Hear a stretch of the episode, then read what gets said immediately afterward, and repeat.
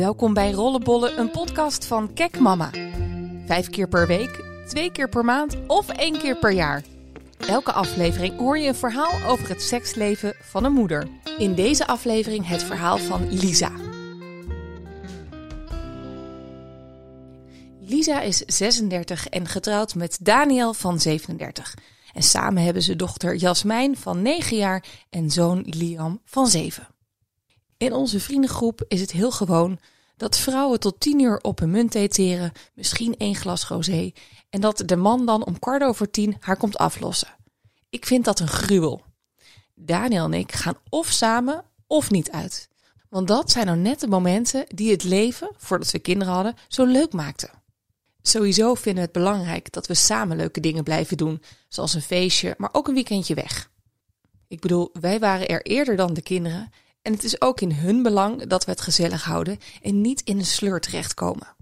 Ik denk dat deze instelling ervoor heeft gezorgd dat wij nu, na ruim 20 jaar samen, nog steeds een actief seksleven hebben. Daniel en ik waren 15 toen we verkering kregen. Het is nog wel een paar keer heel kort uit geweest. Hij heeft toen twee en ik één keer het bed met iemand anders gedeeld. Maar meer seksuele ervaringen dan dat hebben we niet. We hebben dus eigenlijk alles samen ontdekt. En in die beginjaren was ik echt bleu. Seks zag ik als iets wat wel hoorde bij een relatie, maar ik onderging het meer. Ik durfde amper te vertellen wat ik lekker vond en wat niet. Eigenlijk is dat pas na de geboorte van onze jongste gekomen. Ik ging veel sporten en kreeg steeds meer zelfvertrouwen. Zes weken na de bevalling hadden we dan ook alweer seks. Hechtingen eruit en hup, daar gingen we weer. Het was wel spannend. Maar als ik even oud zei, stopte Daniel meteen. Maar het was vooral fijn om weer samen intiem te zijn. Ondanks de kleine kinderen en gebroken nachten zat ik vol energie. Ik voelde me op en top vrouw en bovendien seksueel vrij.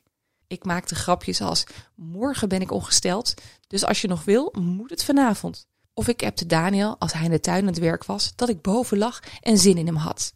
Dat werkte echt goed voor ons. Ook gaf ik eerlijk aan dat het gefriemel voor mij niet nodig was. Daniel is een goede minnaar, lief, stoer, mannelijk.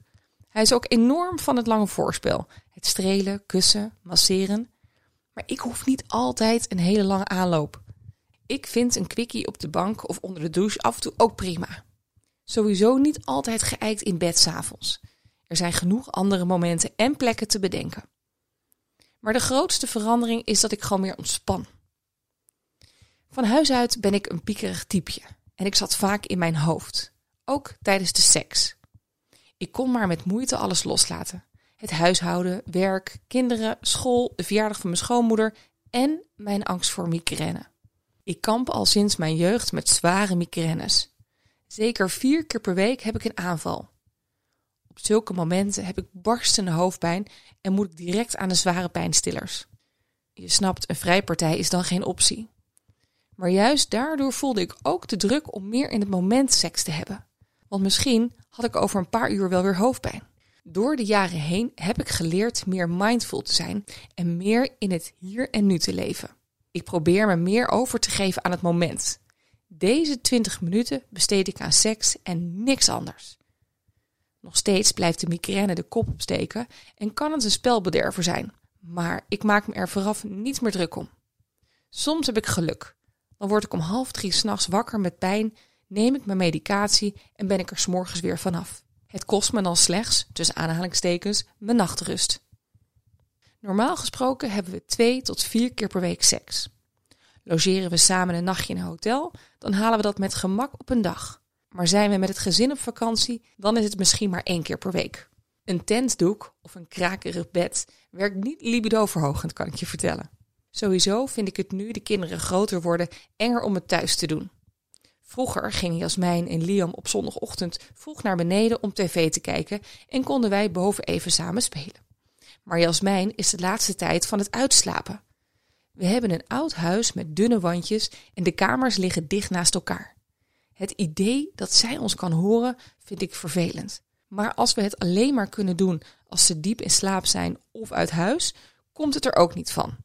Vandaar dat we meestal seksen in een lepeltje-lepeltje stand.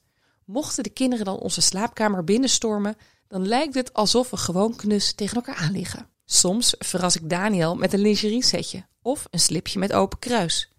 Speeltjes gebruiken we niet echt. Daar hebben we nooit echt over nagedacht. Alhoewel Daniel laatst opbiechte dat het hem wel spannend leek een keer handboeien te bestellen. Gewoon een instapmodelletje. Dat kwam ter sprake toen we het hadden over wat we voor ons zestigste nog wel eens zouden willen doen. Zelf heb ik eigenlijk geen grote wensen. Een trio of met een vrouw? Nee, no way. Het zal bij mij meer de afwisseling van standjes zijn. Ik wil daar nog wel wat meer mee experimenteren. Ja, zoals vorige week bijvoorbeeld. Ik droeg een mooi jurkje, maar had geen panty aan en lokte Daniel mee de keuken in.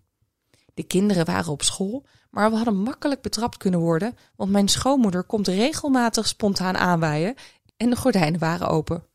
Dat zou een gênante vertoning zijn geworden, maar het gaf toch een speciaal tintje aan onze vrijpartij. Daniel is degene die meestal het initiatief neemt. Linda de Mol zei ooit eens dat je als vrouw soms zin moet maken. Dat nam ze later weer terug, want dat kon niet meer na MeToo. Maar ik vind dat het soms best kan. Daniel werkt hard, is een leuke vader, doet alles in huis en is stapelgek op mij. Waarom niet gezellig meedoen? Ook al wilde ik eigenlijk net een tv-serie kijken. Dat zin maken bestempel ik niet als iets negatiefs, maar meer als een compliment. Mijn man vindt mij sexy en wordt na al die jaren nog steeds opgewonden van mij. Wat wil je nog meer? En dit was hem weer. Je vindt meer verhalen op kekmama.nl.